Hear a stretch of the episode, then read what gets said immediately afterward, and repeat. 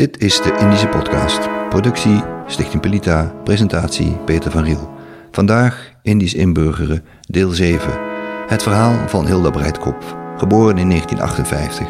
Zij kwam met haar familie in 1964 naar Nederland als zogenaamde spijtoptanten. Dit is hun relaas. Mijn in Nederlands-Indië geboren ouders, Hugo Breitkopf en Saartje Hahijari, besloten na hun huwelijk in 1956 in het nieuwe Indonesië te blijven. In 1964, negen jaar later, vertrokken ze naar rijberaad echter toch naar Nederland. Een weloverwogen, maar verre van gemakkelijke beslissing. Hun levensverhaal is illustratief voor lotgevallen van veel spijtoptanten. Mijn vader, Hugo, is in 1921 in Surabaya geboren, waar zijn vader, mijn grootvader, Gustav Breitkopf, als infanterist eerste klasse bij het KNIL werkzaam was. Mijn grootvader is in 1882 in het Duitse Badewicz, het tegenwoordige Bogdanowicz in Polen, geboren. Tussen 1902 en 1906 nam hij in Duitse krijgsdienst deel aan veldtochten tegen inheemse bevolkingsgroepen in Zuidwest-Afrika. In 1910 vertrok hij als huursoldaat vanuit Rotterdam naar Nederlands-Indië. Hij leefde er niet ongebruikelijk onder knilsoldaten samen met een Javaanse vrouw, Almuna, bij wie hij drie kinderen kreeg. Toen mijn grootvader in 1923 op 41-jarige leeftijd overleed, was mijn vader drie jaar en nog niet, zoals de oudere twee kinderen, officieel door hem erkend. Pas in 1931 werd hij alsnog door de overheid als zijn wettige zoon geregistreerd. Na het overlijden van mijn opa werden de kinderen ondergebracht in de Sukabumische opvoedingsgestichten in West-Java, waar Indo-Europese wezen en halfwezen van 2 tot 19 jaar werden opgevangen en na de lagere school een vakopleiding genoten. Mijn vader is opgeleid tot monteur. De instelling had een goede naam, de kinderen kregen een Europese opvoeding en het onderwijzend personeel was uit Nederland afkomstig. Tijdens zijn verblijf in Sukabumi verkeerde mijn vader in de veronderstelling dat zijn moeder was overleden. Pas nadat hij na bijna 17 jaar het opvoedingstehuis verliet, kwam hij erachter dat zijn moeder nog leefde. Een ontmoeting in Surabaya liep op een grote teleurstelling uit. Zijn moeder bleek een nieuw gezin te hebben gesticht en de schok die, uh, dat zij al die jaren niets van zich had laten horen, was zo groot dat mijn vader niets meer van haar wilde weten. In 1941 ging mijn vader, 20 jaar oud, als scheepsmonteur voor de KPM varen. Op 27 februari 1942, de dag van de slag op de Javazee, voer hij op de Tommehon, dat met een groot aantal andere koopvaardijschepen naar het vooralsnog in de oorlogsluwte gelegen Cilacap aan de zuidkust van Java was gedirigeerd. Nadat de Nederlanders de zeeslag hadden verloren, werden de koopvaardijschepen ingezet om zoveel mogelijk Nederlandse, Britse, Australische en Amerikaanse militairen en vluchtelingen naar, het met, naar met name Australië te evacueren, om van daaruit strijd tegen de Japanners voor te zetten.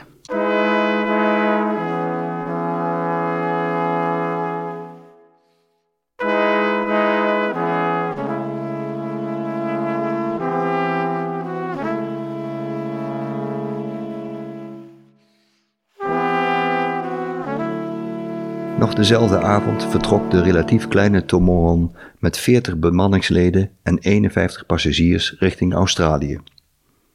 Het was het eerste schip waarvan Noordzijnen werden ontvangen. Reeds de volgende ochtend werd het door Japanse torpedobootjagers tot zinken gebracht, waarbij zes mensen omkwamen.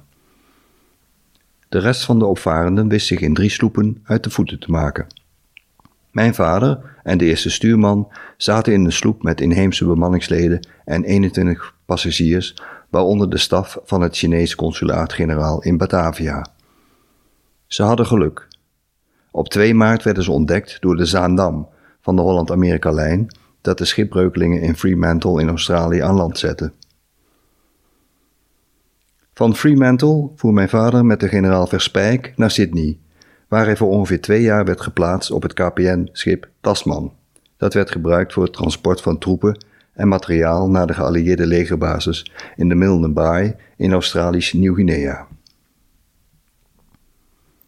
Na een verbouwing in Sydney deed het dienst als hospitaalschip in de Pacific.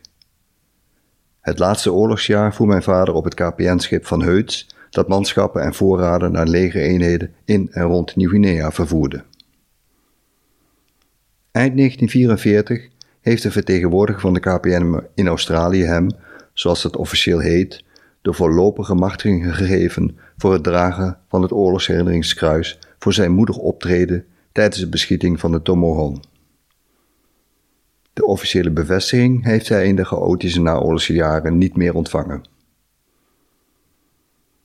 Begin 1946 keerde mijn vader terug naar Indonesië, waar hij voor de KPN bleef werken, ook nadat het bedrijf in 1957 onder de naam Pelni in Indonesische handen overging. In 1951 woonde hij als kostganger in Jalan Flores in Jakarta. Hij werd er verliefd op zijn buurmeisje Saatje Hayari, waarmee hij in 1956 huwde. Blijkbaar aarzelde mijn moeder lang, want mijn vader ging in hongerstaking om haar over de streep te trekken. Mijn moeder is in 1930 in Chimai geboren uit het tweede huwelijk van zowel haar vader als haar moeder. Haar vader, mijn grootvader, Amus Hayari, was afkomstig van Ambon. Mijn grootmoeder, Paulina Rolia, die al twee kinderen uit haar eerste huwelijk had, was een Javaanse. Mijn grootvader van moederszijde werkte eveneens bij het KNIL. In 1941 werd hij, gepensioneerd sergeant tweede klasse geweermaker, als reservist opgeroepen. Hij werd door de Japanners krijgsgevangen gemaakt en was een van de ruim 5600 slachtoffers die in, 1944 om het leven kwam toen de Engelsen het Japanse vrachtschip Maru bij Bencoolen tot zinken brachten. Niet wetend dat het ruim was volgepropt met krijgsgevangenen en dwangarbeiders voor de aanleg van de Sumatra-spoorlijn. Mijn moeder Saatje groeide op in Chimai, waar ze na de MULO een secretaresseopleiding volgde. Ze heeft haar hele leven goede herinneringen gehouden aan haar jeugd in Chimai.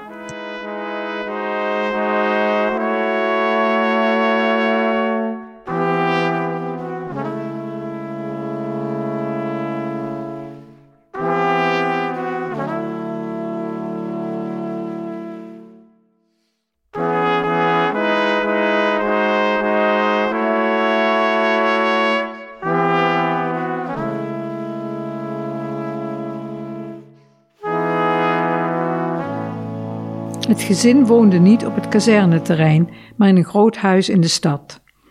Tijdens de Japanse bezetting werd het huis in beslag genomen en het gezin in een kamp ondergebracht. Na de oorlog woonden ze met mijn grootmoeder Paulina in Jakarta. Toen ze mijn vader ontmoette was Saartje directiesecretaresse bij een Nederlands bedrijf in Chikini. Na een huwelijk verhuisde het jonge paar naar een woning van het bedrijf in die plaats. Tussen 1957 en 1963 kregen ze vijf kinderen, waaronder twee jongens die vroegtijdig overleden. Ik was het tweede kind. Tot we naar Nederland vertrokken, zorgde mijn grootmoeder door de week voor de kinderen in haar huis in Jalan Flores. In het weekend kwamen onze ouders over of wij gingen naar hen toe. Mijn vader had er na afloop van de oorlog voor gekozen in Indonesië te blijven. Hij was er geboren, opgegroeid en voelde er zich thuis. Hij had aanvankelijk wel vertrouwen in de jonge republiek, ook in Sukarno, net als duizenden andere Indo-Europeanen. Ze dachten hun plaats in de samenleving op de een of andere manier te kunnen behouden. Ze voelden zich weliswaar Indische Nederlanders, maar wilden hun thuisland niet inleveren voor Nederland, waar ze nooit geweest waren. Dat viel echter tegen. Bij Pelny kreeg hij steeds meer te maken met Indonesische collega's die het niet op Indo-Europeanen hadden begrepen. Hij wilde hogerop, maar kreeg geen kans. Een baan bij een ander bedrijf zat er ook niet in. Overal werd hij geweigerd. Vandaar dat mijn vader maar één uitweg zag: migreren naar Nederland, waar zijn zus met haar gezin al woonde. Zijn hart lag in Indonesië, maar door omstandigheden zag hij zich genoodzaakt het land te verlaten. Door de toenemende discriminatie en buitensluiting zag hij geen toekomst meer voor zichzelf en zijn kinderen weggelegd in de voormalige kolonie. Het was niet eenvoudig om mijn moeder te overtuigen dat weggaan beter was dan blijven. Zij was Indonesische, had een goede baan en goede vooruitzichten. Ze wilde ook haar familie en vriendinnen niet kwijt, maar uiteindelijk stemde ze toe. Het was overigens niet gemakkelijk om toestemming te krijgen om naar Nederland te vertrekken. Mijn vader was in de oorlog zijn identiteitsbewijs kwijtgeraakt en ondervond bij de aanvragen van de benodigde papieren eerder tegenwerking dan medewerking. Pas in december 1964 zijn we, mijn ouders, 43 en 34 jaar oud, mijn zusjes Anita en Roli, 8 en 1 jaar oud, en ik, net 6 jaar oud, op eigen kosten met het vliegtuig naar Nederland vertrokken. We lieten alles wat we hadden bij oma en andere verwanten achter en begonnen aan een nieuw leven in Nederland. In 1966 werden mijn ouders tot Nederlanders genaturaliseerd. Na aankomst werden we ondergebracht in het opvangkamp Rusticana in Kampen en kort daarna in een pension in diezelfde plaats. Nadat mijn vader werk had gevonden als monteur bij Verolmen in Eibergen, verhuisden we naar Nede in de Achterhoek.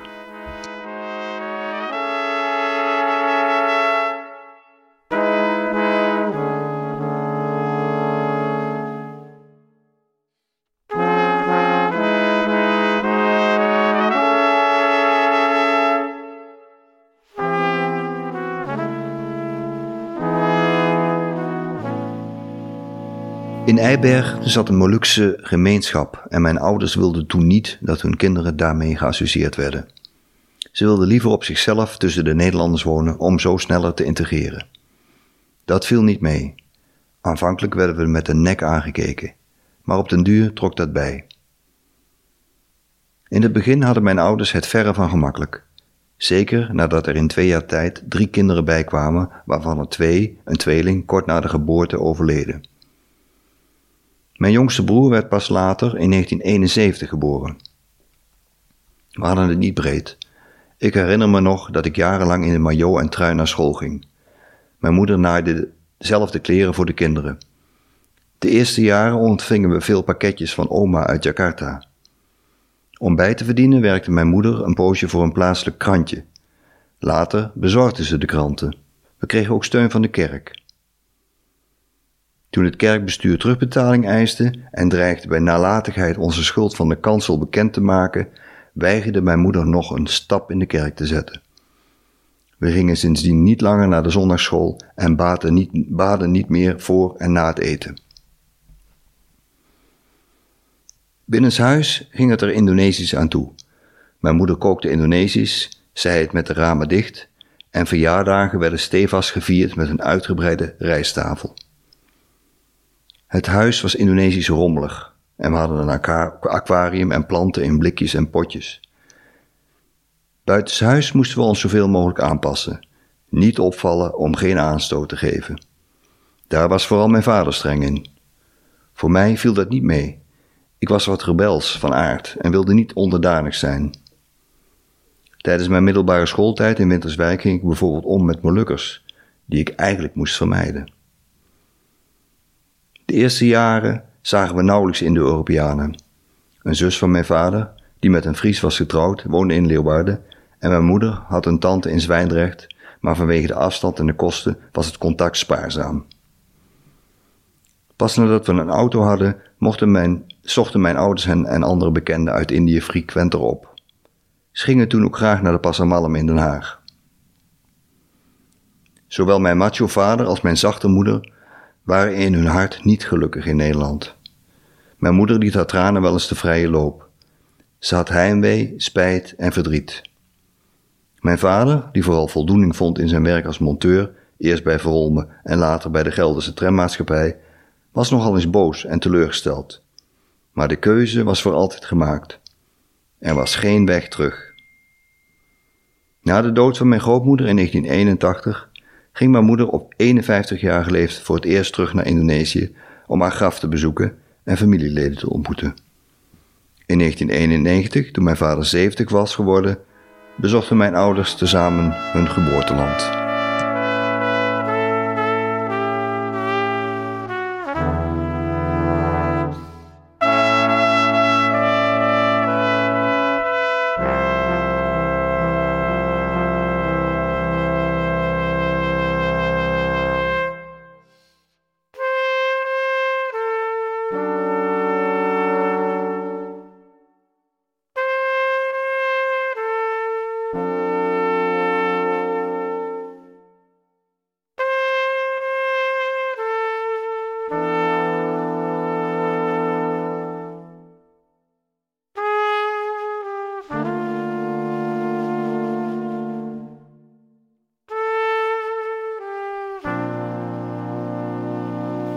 Ze genoten enorm van het weerzien. Na anderhalve week echter kreeg mijn vader een hersenbloeding waaraan hij een verlamming overhield. In 1997 verhuisde hij naar een verzorgingstehuis in Haaksbergen, omdat mijn moeder, die kanker had gekregen, niet meer voor hem kon zorgen. Begin 1998 volgde mijn moeder hem. Ze hadden beide een aparte kamer op dezelfde verdieping. In april van datzelfde jaar overleed mijn moeder en in december mijn vader. Hij wilde niet zonder haar verder en bespoedigde zijn dood door op het laatst niet meer te eten. Hun gecompliceerde leven tussen twee vaderlanden was ten einde gekomen. We hebben mooi afscheid van hen kunnen nemen en het was voor mij heel fijn dat mijn vader, die me altijd tegendraads vond, zei dat hij trots op me was. Mijn broer en zussen en ik kijken allemaal anders naar onze roots, onze Indonesische achtergrond is voor de een belangrijker dan voor de ander. In 1982 ben ik samen met mijn oudste zus naar Indonesië geweest. En in 20, oh, sorry. En in 2016 heb ik met mijn Hollandse man en drie van onze kinderen en hun partners een reis door mijn geboorteland gemaakt. Mijn oudste zoon is in de voetsporen van zijn voorouders getreden en heeft gediend bij de Rode Baret Luchtmobiele Brigade van Heuts. Ik vind het belangrijk om de herinneringen van mijn ouders door te geven en een plaats te geven. Ik merk ook dat ik de laatste tijd meer wil lezen over Indonesië en dat ik met meer begrip terugkijk op de levensloop van mijn ouders. Als hun leven iets duidelijk maakt, is het dat de spijt van spijt op tante niet alleen slaat op de spijt om in eerste instantie te hebben gekozen voor Indonesië, maar ook op de niet altijd uitgesproken spijt uiteindelijk naar Nederland te zijn vertrokken.